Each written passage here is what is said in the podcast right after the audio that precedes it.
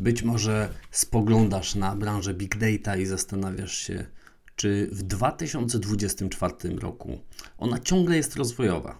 Czy warto w nią inwestować swój czas? Czy te technologie są wciąż warte nauki? Jeśli tak, to cieszę się, że mogę ugościć Cię w odcinku numer 27 Big Data po polsku. Porozmawiajmy dzisiaj o aktualności branży danych i o tym, czy warto, czy warto wkładać swój czas, wysiłek i pieniądze. Cześć, witam Cię w podcaście Big Data po polsku. Poznajemy tu wspólnie, jak działa świat, który, jak wiadomo, zbudowany jest z danych i rządzony jest przez algorytmy. Jesteś w dobrym miejscu, jeśli interesują Cię technologie, biznes, społeczeństwo lub pogłębianie swojego potencjału i to wszystko w kontekście danych. Ja nazywam się Marek Czuma, jestem założycielem Riotech Data Factory, firmy, która pomoże Ci zrozumieć big data w wymiarze technicznym i biznesowym. Nalej do kubka solidną porcję swojej ulubionej kawy, pakuj swoje rzeczy i ruszaj ze mną w tą fascynującą przygodę.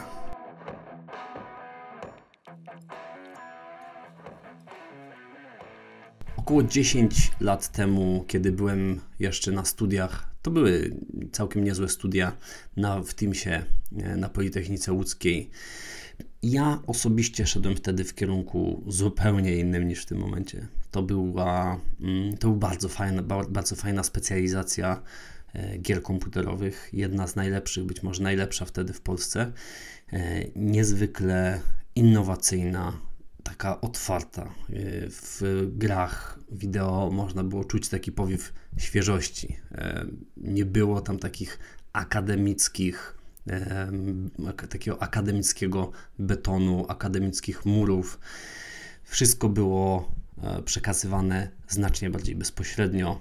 Liczyła się kreatywność, ludzie byli bardziej otwarci i było też więcej fanu, po prostu było więcej zabawy z tego, co robimy. I ja nie byłem jeszcze na 100% przekonany, że chcę iść w branżę gier, e, natomiast ogólnie tak, ogólnie w, mniej więcej w tym kierunku, czy to jakieś symulacje, czy gry, to już inna sprawa, ale wiedziałem jedno, na pewno nie chcę iść w kierunku, uwaga, baz danych. Na pewno nie chcę iść w kierunku baz danych. Dlaczego? to dlaczego to się zmieniło, to zaraz powiem, ale Dlaczego w ogóle wtedy mi taka myśl przyszła i czemu miałem taki wstręt? Właściwie tak naprawdę, e, co to są te kwerendy SQL-owe, co to są różnego rodzaju relacje między tabelami. E, pamiętam, uczyła mnie przy, tu zaraz tuż przed e, kolokwium moja bardzo dobra wtedy koleżanka Daria. Pozdrawiam Cię serdecznie, jeśli tego słuchasz. E, bez Ciebie te studia byłyby znacznie, znacznie mniej kolorowe.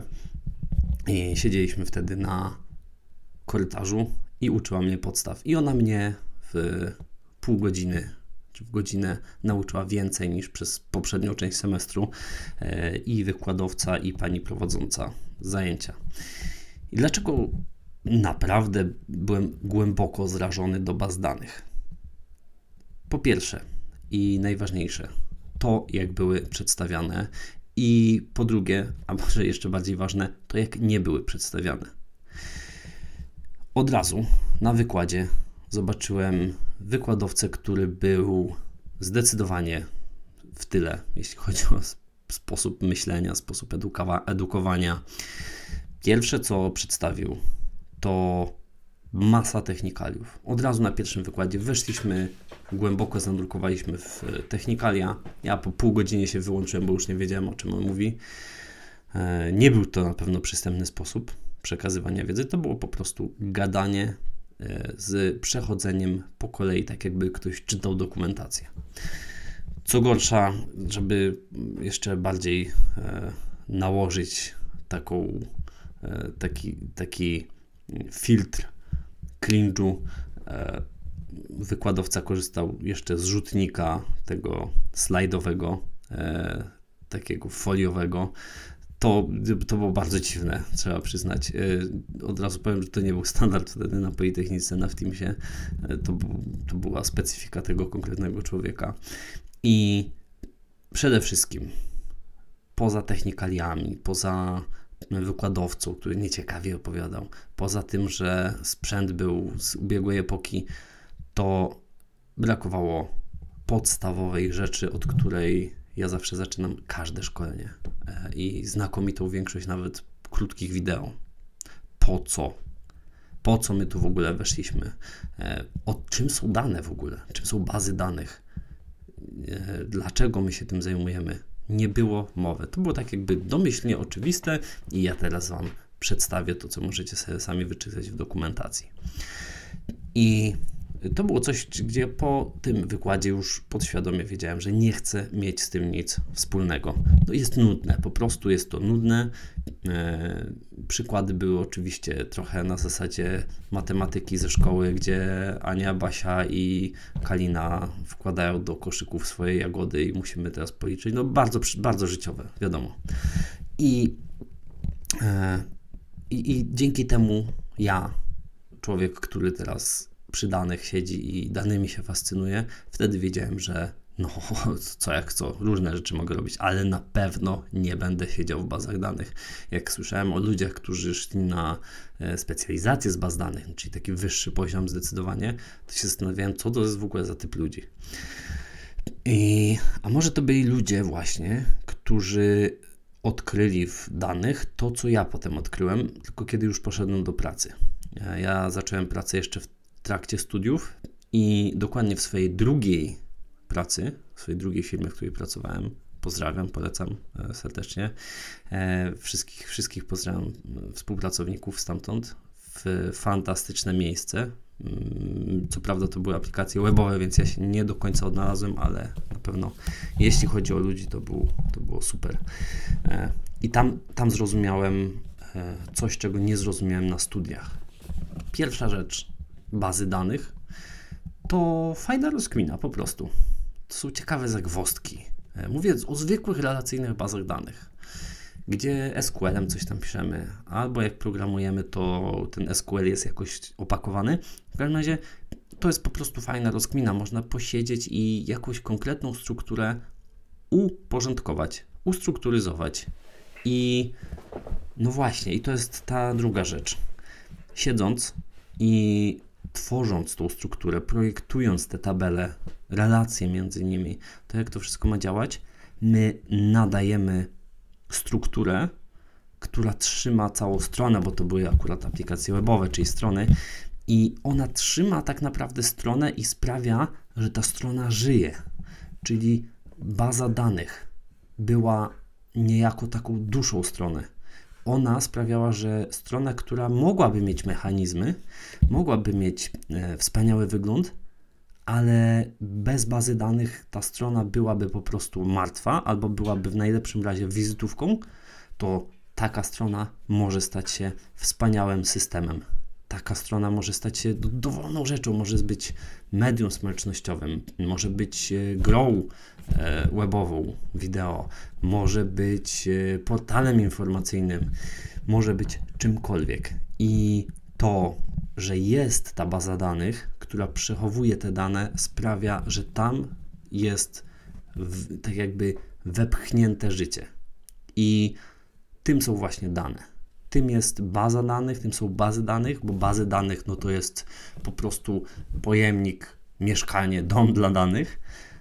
I, ale dane i bazy danych to jest po prostu samo życie.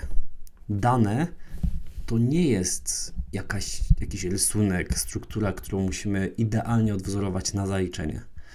Dane to jest nasza rzeczywistość. Dane to jest to, jacy my jesteśmy.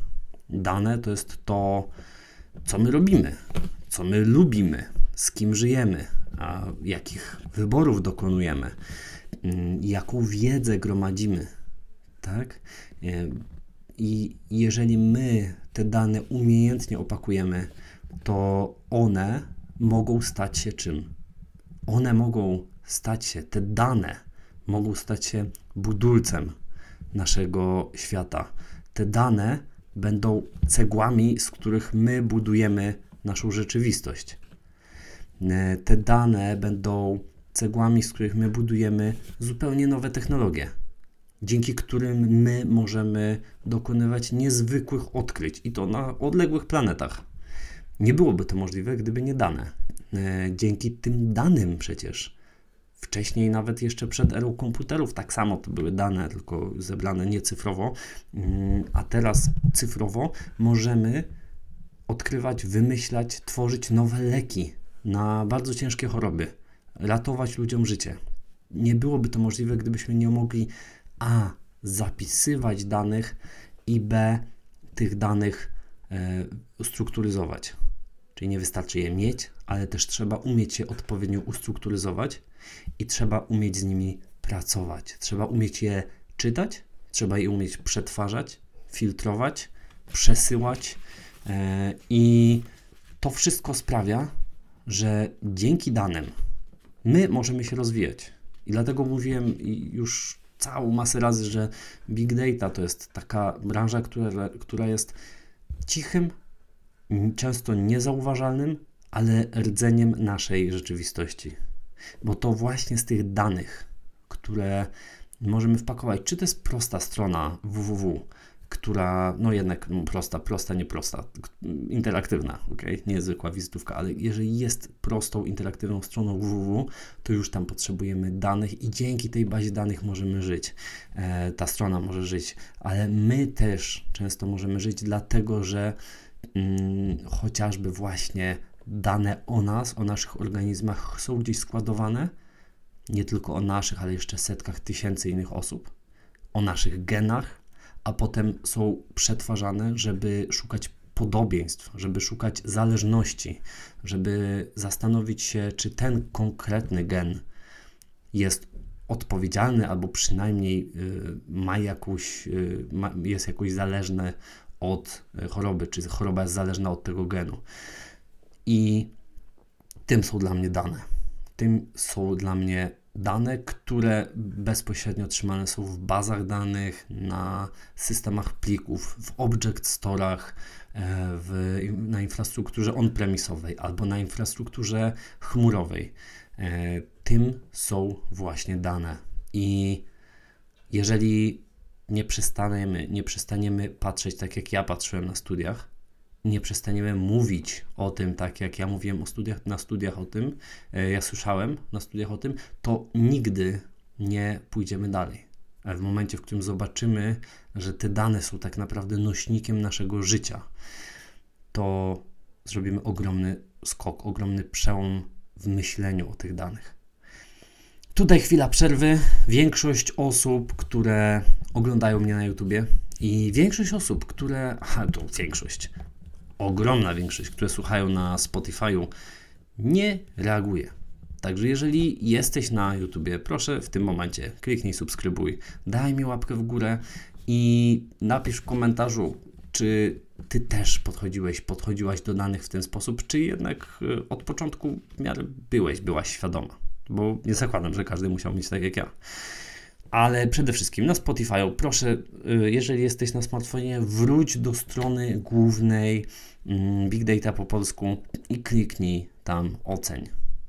Y, żeby kliknąć oceń, trzeba wybrać te gwiazdki i na piąteczkę.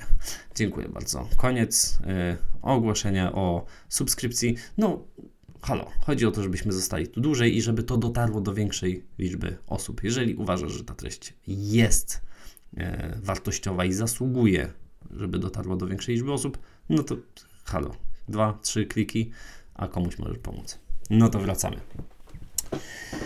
Więc e, tym są dane i to jest moja historia związana z danymi i od niej, żeby to zrozumieć, trzeba wyjść, e, żeby się zastanowić, czy nasza branża danych jest e, aktualna i czy będzie aktualna. No bo halo, no co dzisiaj jest takie bardzo popularne, no ChatGPT w ogóle sztuczna inteligencja, a Big Data, no, to chyba przeżytek, nie?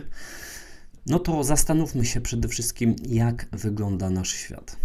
Od tego wyjdźmy, bo to jest najważniejsze. Jeżeli zastanowimy się, jak wygląda nasz świat i jak mniej więcej może to się rozwijać, oczywiście wszystkiego nie przewidzimy, ale pewien trend jak najbardziej, to Odpowiedź będzie jasna na wiele tematów, w tym na nasz dzisiejszy temat. Pierwsza rzecz jest taka, i nie sądzę, żeby ktokolwiek się z tym kłócił. To jest po prostu fakt. My generujemy ogromną liczbę danych, ilość danych, przepraszam, i generujemy tych danych coraz, coraz więcej, dlatego że y, mamy też możliwość zbierania tych danych coraz więcej. Czyli im, to jest takie trochę zamknięte koło. Im więcej umiemy zbierać, tym więcej generujemy. No bo kiedyś, jeżeli wszedłeś na stronę i pochodziłeś sobie po tej stronie, to póki nie wiem, tam nie zakupiłeś jakiegoś produktu, no to po prostu no, zakupiłeś produkt, była dodatkowa dana. A teraz w tym momencie każdy Twój ruch myszką generuje dodatkowe dane. E, to, gdzie kliknąłeś, generuje dodatkowe dane i tak dalej, i tak dalej. Więc my generujemy coraz więcej danych. E, my nie tylko jesteśmy w pewien sposób zależni od strukturyzowania tych danych, ale co kolejną będzie niekontrowersyjną tezą, świat idzie w kierunku tego, żeby te, te algorytmy, te operacje nam pomagały. Czyli w kierunku czego? No jasne, że najpopularniejszego tematu, którym jest sztuczna inteligencja, AI. Świat idzie w kierunku AI i to jest po prostu fakt. Ale czy zastanawiałeś albo zastanawiałaś się kiedyś, jak funkcjonuje sztuczna inteligencja? Przecież to nie jest magia. E, sztuczna inteligencja, która jest trenowana, i to już jest teraz też wiedza powszechna, na ogromnych danych. Musimy mieć najpierw model, który jest wytrenowany. Najczęściej on jest trenowany jednak na danych. E, w zdecydowanej większości przypadków jest trenowany na danych i to dużej liczbie danych, okay? dużej ilości. Co jest tu dzisiaj? I jeżeli on jest trenowany na danych, no to skądś te dane trzeba wziąć. I od razu podpowiem, to nie jest tak, że my po prostu wrzucimy tak dużo po prostu jakichś tam danych z, gdzieś z Facebooka, z maila na jeden system plików i teraz wskażemy ścieżkę, gdzie, skąd możesz sobie wziąć dane i on to sobie przetworzy. Modelom trzeba dać, znaczy algorytmom uczącym modele, trzeba dostarczyć w odpowiednich formatach te dane. Trzeba je wcześniej oczyścić, trzeba wcześniej je poprzetwarzać, po, pofiltrować tak, żeby te dane się nadawały. I tym się zajmują data scientiści, ale oni muszą dostać dane w odpowiedniej formie. I kto, jak myślisz, kto się zajmuje tymi rzeczami, przy całym tym wielkim procesem, który jest przed trenowaniem? A później też przy okazji wykorzystywania. No właśnie to jest big data. To jest właśnie big data, więc mamy tu już pierwszą bardzo jasną korelację. Im więcej będzie sztucznej inteligencji, tym więcej będzie big data. Tylko o tej sztucznej inteligencji dostaniesz 100 nagłówków w gazetach dlatego że sztuczna inteligencja powiedziała coś brzydkiego, albo sztuczna inteligencja y, znowu uraziła jakiegoś artystę. A o tym, że trzeba było wcześniej pobrać dane i zaprojektować system, w jaki sposób je poukładać i jak robić w ogóle te kopie zapasowe i y, jak je przetworzyć tak, żeby nie było jakichś duplikatów. No, o tym raczej dostaniesz dokładnie zero nagłówków, chyba że śledzisz bloga Riotic Data Factory albo jesteś na newsletterze naszym. E, bardzo serdecznie zapraszam na newsletter Riotic Data Factory. Od e, tego roku, od stycznia jest nowy newsletter i ruszamy, dostajesz na start tak zwany wprowadzający kurs mailowy, czyli około 5 tygodni, a zaraz będzie ponad 5 tygodni, bo dostaję od Was informację, że za często dostaję maile, więc będzie ponad 5 tygodni e-maili wprowadzających w świat danych, bardzo konkretne informacje. E, najlepszy newsletter na ten temat, także polecam, zapraszam serdecznie. Jest nas coraz więcej, co mnie bardzo cieszy. Mm, ale jeżeli nie jesteś jakimś trafem jeszcze na newsletterze Riotic Data Factory, podpowiem, nazywa się Na szlaku Big Data, no to yy, pytanie, gdzie się dowiesz o tym, że zanim ta sztuczna inteligencja obraziła jakichś, e, jakichś ludzi bardzo wrażliwych, to ktoś te dane musiał przefiltrować, ułożyć w odpowiedni flow, bo to nie jest też tak przecież, że to jest jednorazowa robota. Te dane muszą być bardzo często zaciągane systematycznie, przetwarzane systematycznie archiwizowane, trzymane w wielu formach, w formie surowej, w formie przetworzonej, oczyszczonej, przetworzonej, e, takiej wynikowej. Tak? I to się dzieje za każdym razem, kiedy słyszysz o AI, więc od teraz, jak zobaczysz, że jest AI, to wiedz, że do tego jest domyślnie dołączone, dołączony duży system big dataowy, ok? Tylko on jest w tle, z tyłu. Nikt o tym nie mówi. Ale on działa i bez tego nie będzie sztucznej inteligencji. Kolejna rzecz to coraz większa dezinformacja i chaos, taki powiedziałbym danowo-informacyjny. Kiedyś e, dostęp do informacji był czymś wow. Jeżeli miałeś duży dostęp do informacji, to pewnie byłeś jakąś służbą specjalną, e, prezydentem Stanów Zjednoczonych albo ewentualnie królem. Tak, w tym momencie, w tym momencie mamy nadmiar informacji. Ale czy to znaczy, że wszyscy jesteśmy niezwykle mądrzy? No raczej nie zaryzykowałbym takiej tezy. Jest ona mocno kontrowersyjna. Więc co się stało po drodze?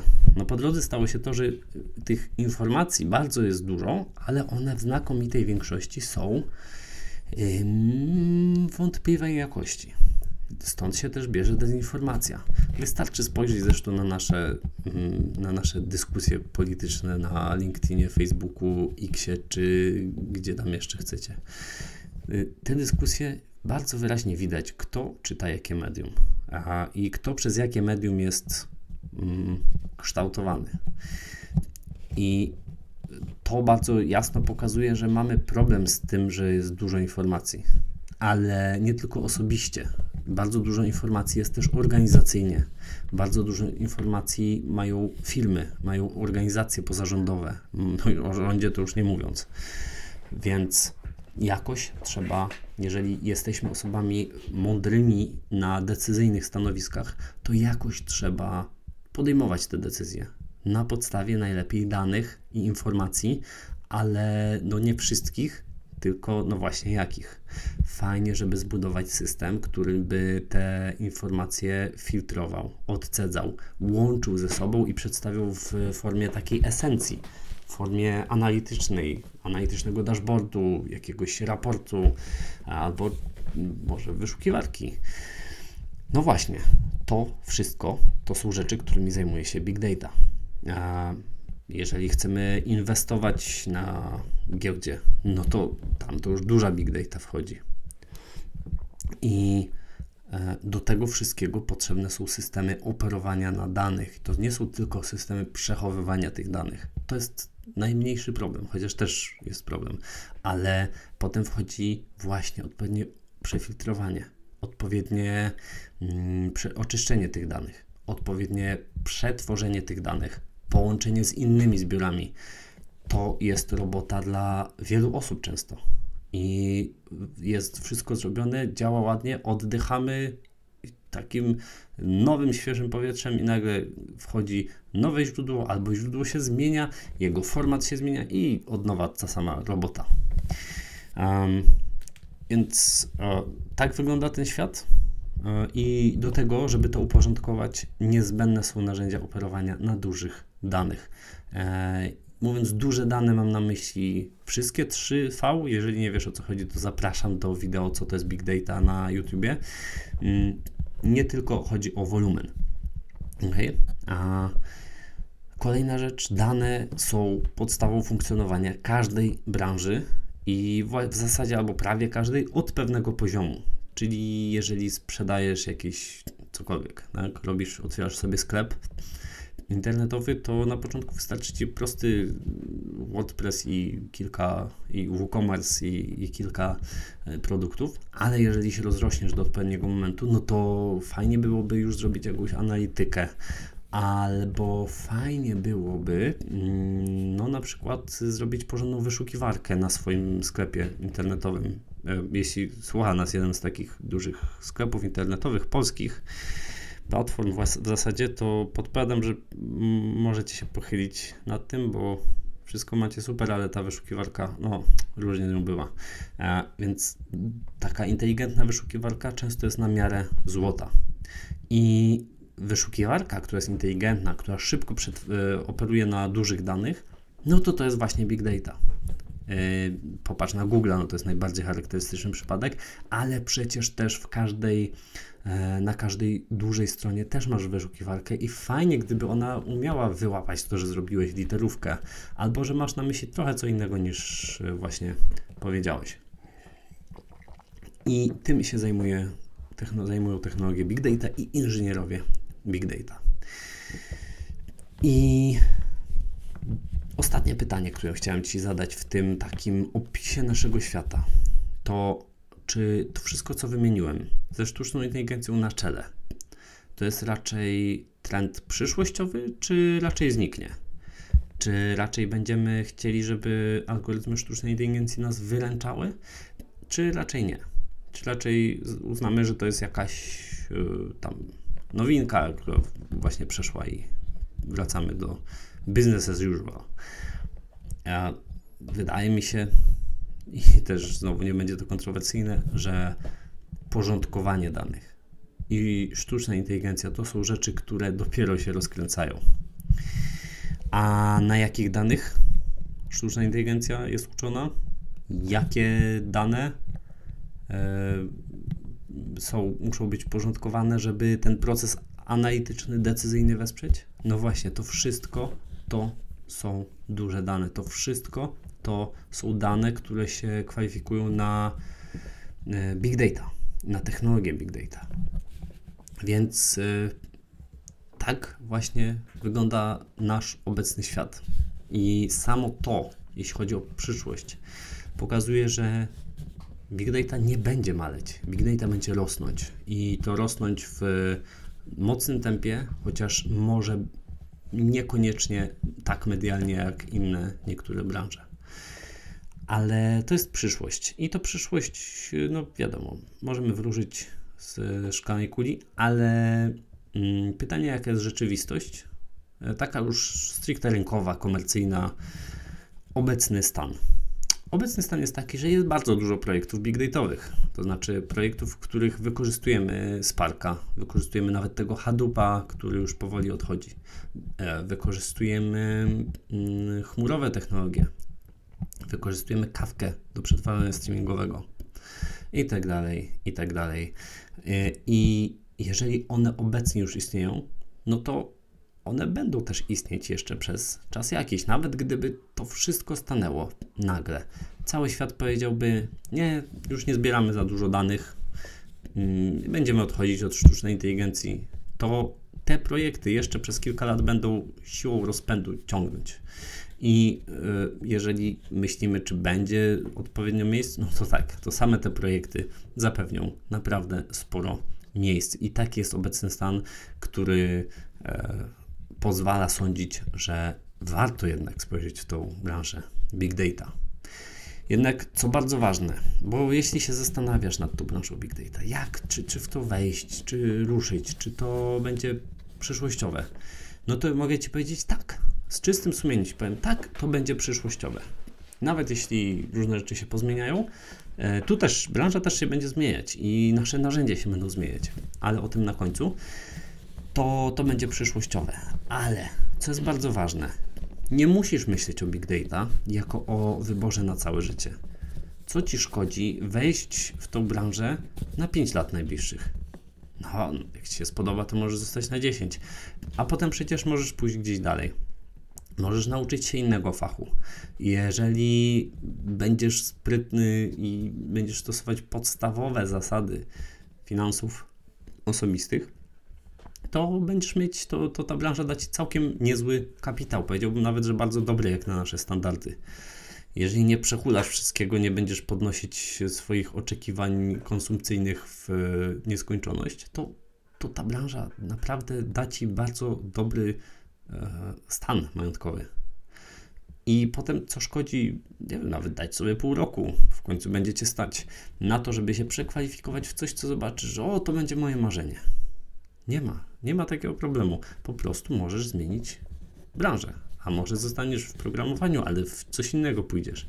Może, a może w, ciągle w danych, ale zostaniesz analitykiem. No, opcji jest dużo, ale grunt, żeby wiedzieć, że big data fajnie, żeby była takim wyborem na najbliższe lata, jeżeli się zdecydujesz, ale nie musi absolutnie być wyborem na całe życie. Ta stałość w kontekście lat jest ważna, ale to nie musi być stałość w kontekście całego życia.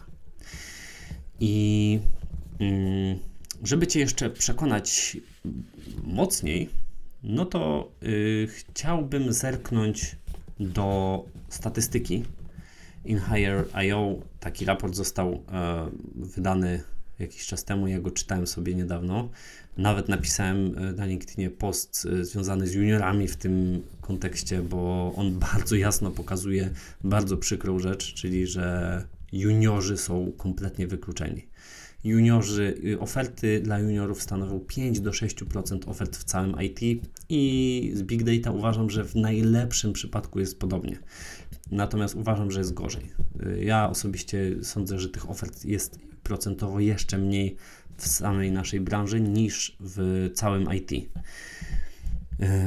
I reszta to jest, są stanowiska midów i seniorów, mniej więcej pół na pół, tam w zależności od kwartału to się, to, to się zmieniało.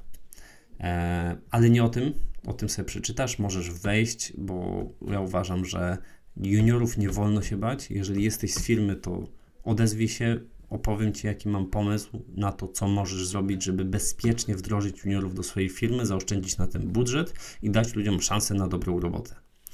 Ale to, co jest bardzo ważne, to spojrzałem sobie na najlepiej opłacane języki. Tam niestety nie ma wyszczególnionego, um, nie ma wyszczególnionego e, pozycji, wyszczególnionej pozycji big dataowej jest data science, nie ma big data, inżyniera big data. Bardzo szkoda. Napisałem do InHire.io. Mam nadzieję, że w kolejnych edycjach to się zmieni, chociaż wiem, że to nie jest aż takie proste to wyszczególnić, szczególnie, że niektóre e, pozycje inżynierskie zaczynają się od Sparka na przykład, albo Scala Developer, a chodzi tak naprawdę o pracę z danymi. Ale, ale, co jest najważniejsze? Jakie są najwyżej opłacane języki programowania? Z, dwa pierwsze, z dwóch pierwszych to jest Scala i to jest Python. Scala jest na samej górze. Średnio, średnie górne widełki, mm, to są oczywiście senioralne, to się nie przywiązuje do tego, ale to jest 27 728 zł. 27, prawie 28 tysięcy złotych. E, nieco mniej, prawie, nie, nieco ponad 1000 zł mniej to jest są programiści Pythona, a potem, co jest też bardzo ciekawe, kolejna trzecia i czwarta pozycja to jest Ruby i Java. No Ruby nas nie interesuje w tym miejscu, ale Java jak najbardziej. Czyli można powiedzieć, a i między Rubim a Java jest kosmetyczna różnica, tam dosłownie to jest 100 zł, około 100 zł, więc to mm, ja bym w ogóle na to nie patrzył. Można powiedzieć, że wśród pierwszych trzech języków jest programowania, jest skala Python i Java. A co to jest skala Python i Java? Skala Python i Java to są właśnie języki big data. Jeżeli sobie zobaczysz, mam już kilka, yy, kilka wideo na YouTubie na temat tego, jak zacząć, co jest ważne. Yy, mówiłem o tym w podcaście, pisałem w mailach.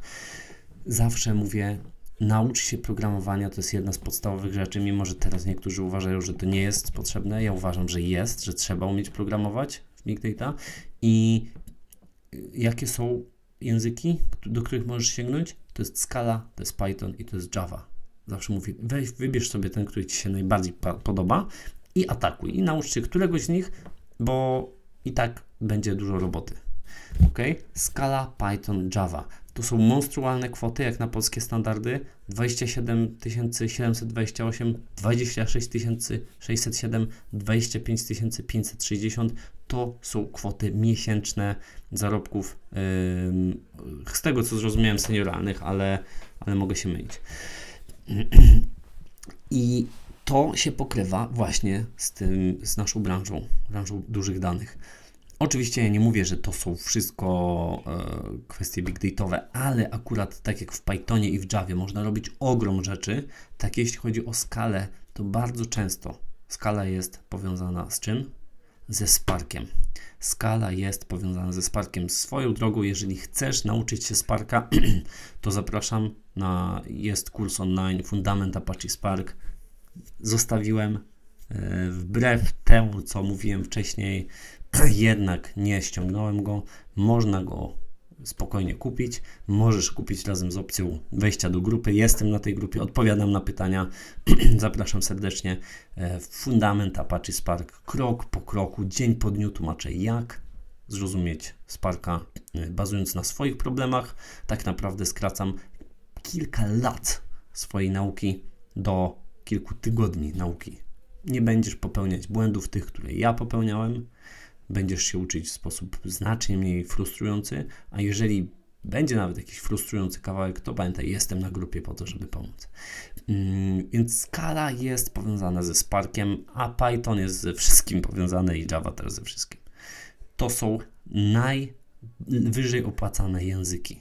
Mm, z najpopularniejszych języków pierwsze dwa, jakie są? Java i Python. Skala akurat tu jest bardzo mało popularna, tylko 1,7 procenta e, wszystkich języków to są ogłoszenia ze skalą, natomiast najwyżej Java, Python, e, no bo w tym też dużo się robi. Natomiast to ze skalą to, ta niska popularność po, potwierdza też to, że tu nie ma bardzo dużo technologii, więc możemy śmiało zakładać, że skala jest ściśle związana ze Sparkiem i z opłacalnością fachowców od Sparka.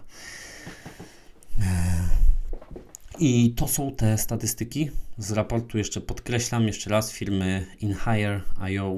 E, polecam sam raport. Jest w notatkach, podlinkuję, gdzie można go dostać.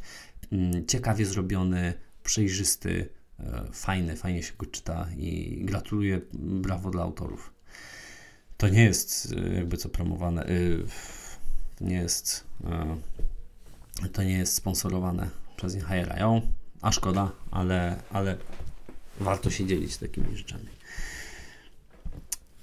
Więc jeżeli już, yy, mam nadzieję, przekonałem, że warto się uczyć Big Data, zajęło mi to ponad pół godziny, to pytanie, jak zacząć? E, oczywiście to o tym można gadać godzinami, zresztą ja pomagam w ramach mentoringu w, tym, jak zacząć, i to, to jest pomoc długofalowa. Trzeba od razu uczciwie powiedzieć, że to nie jest tak, że nauczysz się kilku trików i wchodzisz w branżę, e, ale pomagam wejść i, i ludzie w trakcie mentoringu naprawdę robią fantastyczną robotę i ogromny progres e, w swoim, swoich umiejętnościach. Więc, ale tutaj wyszczególniłem trzy rzeczy, które chcia, o których chciałem Ci powiedzieć. Pierwsza rzecz, zacznijmy od banału. To są umiejętności, skille.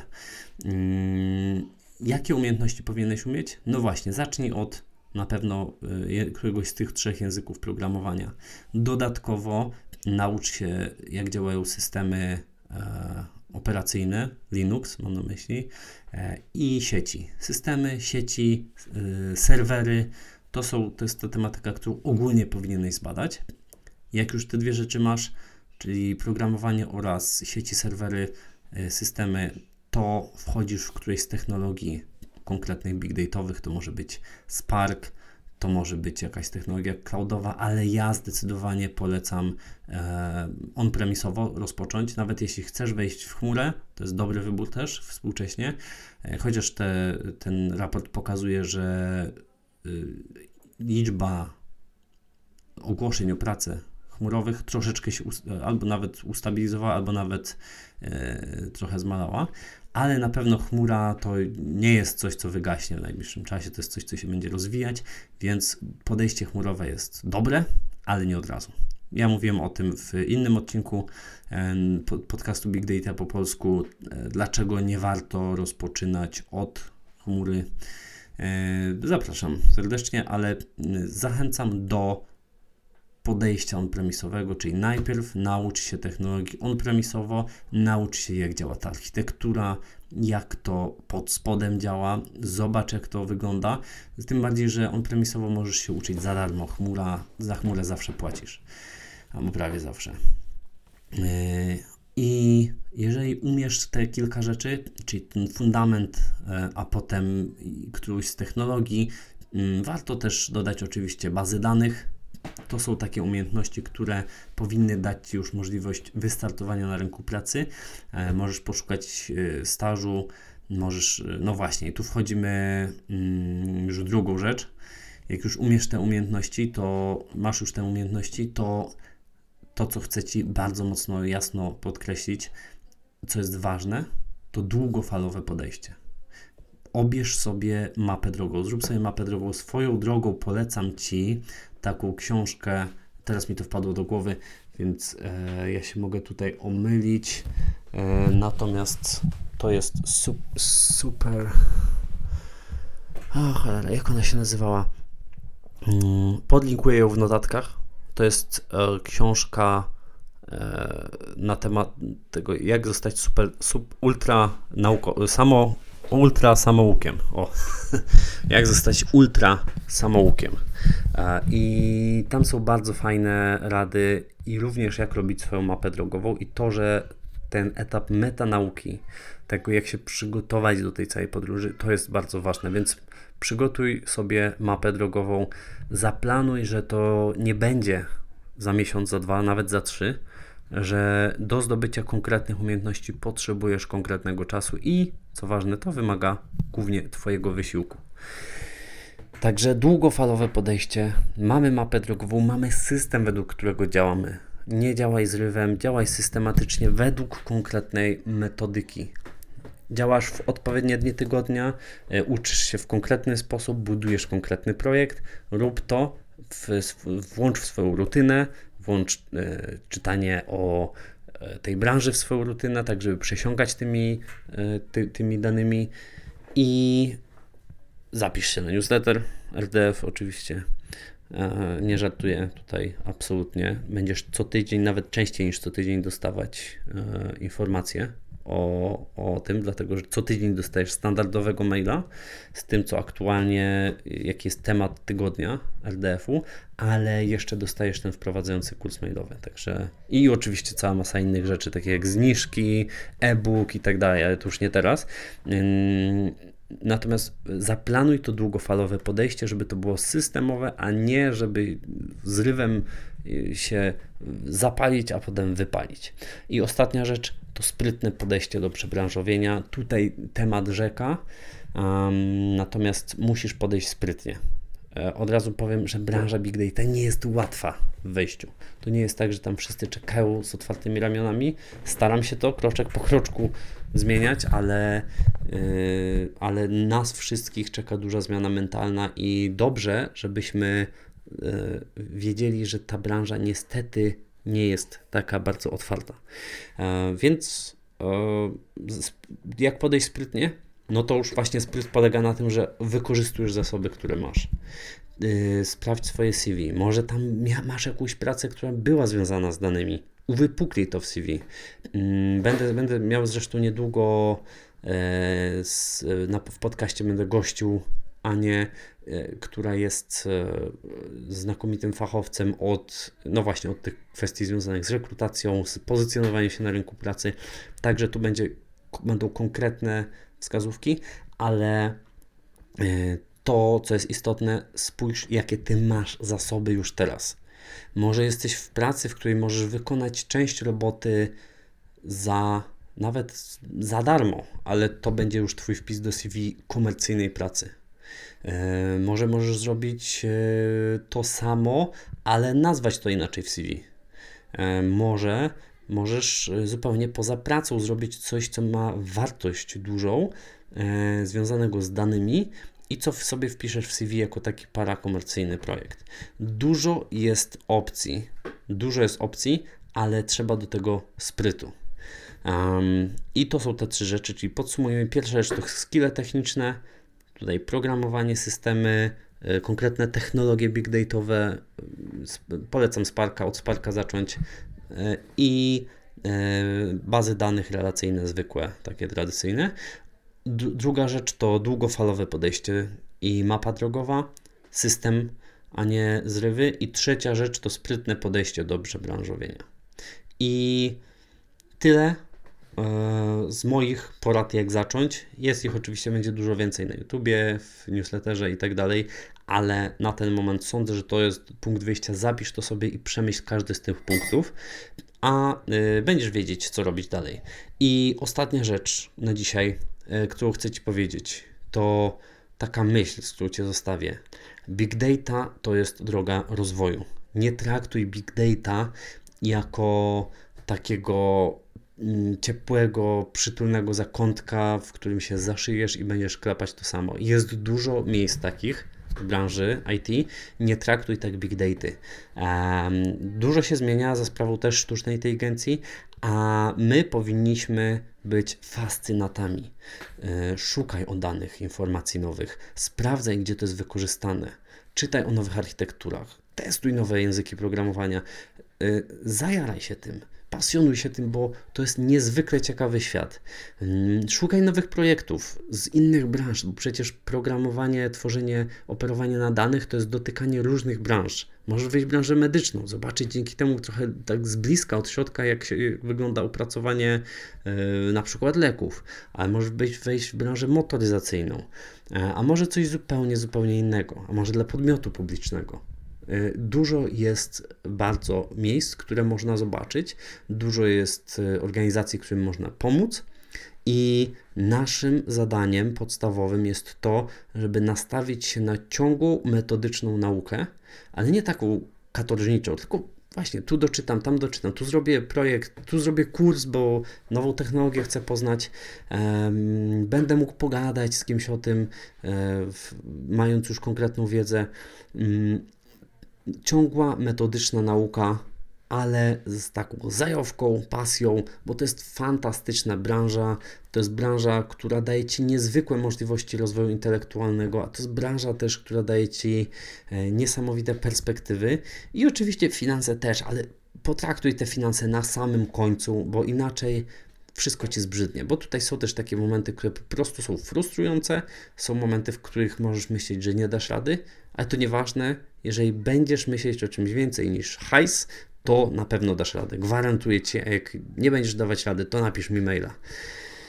I otwarte, szerokie spojrzenie, bo branża big data też się zmienia. E, ostatnio rozmawiałem z mm, najważniejszą dla mnie osobą w kontekście big data i ona powiedziała mi, że właśnie w, w, w taki, taki stosunek machine learning i sztuczna inteligencja, a big data. Czy inżynier big data może znać, czy nie? Ta osoba powiedziała mi, kiedyś było tak na samym początku, że można było łączyć bardzo dużo rzeczy, Potem przyszedł czas specjalizacji i e, machine learning stał się czymś takim zupełnie osobnym i big data też, że no nie było na to przestrzeni, a teraz z powrotem pojawiają się przestrzenie na to, żeby big data łączyć z tym machine learningiem, na przykład. I tego typu rzeczy jest bardzo, bardzo dużo, także miej otwarte, szerokie spojrzenie, a jeżeli masz pytania, to napisz do mnie marek.czumamapa.riotechdatafactory.com Ja standardowo zachęcam, zapraszam do newslettera, ale również do kursu, do mentoringu, gdzie Ci mogę pomóc, tylko tam wpadaj. Jesteś zawsze mile widziany, jesteś zawsze mile widziana. Ja trzymam za Ciebie kciuki, wierzę w Ciebie, bo ta branża jest do zdobycia przez nas i do rozwoju przez nas. A teraz wszystkiego dobrego, powodzenia, trzymaj się i miłego dnia, miłego wieczoru. Cześć!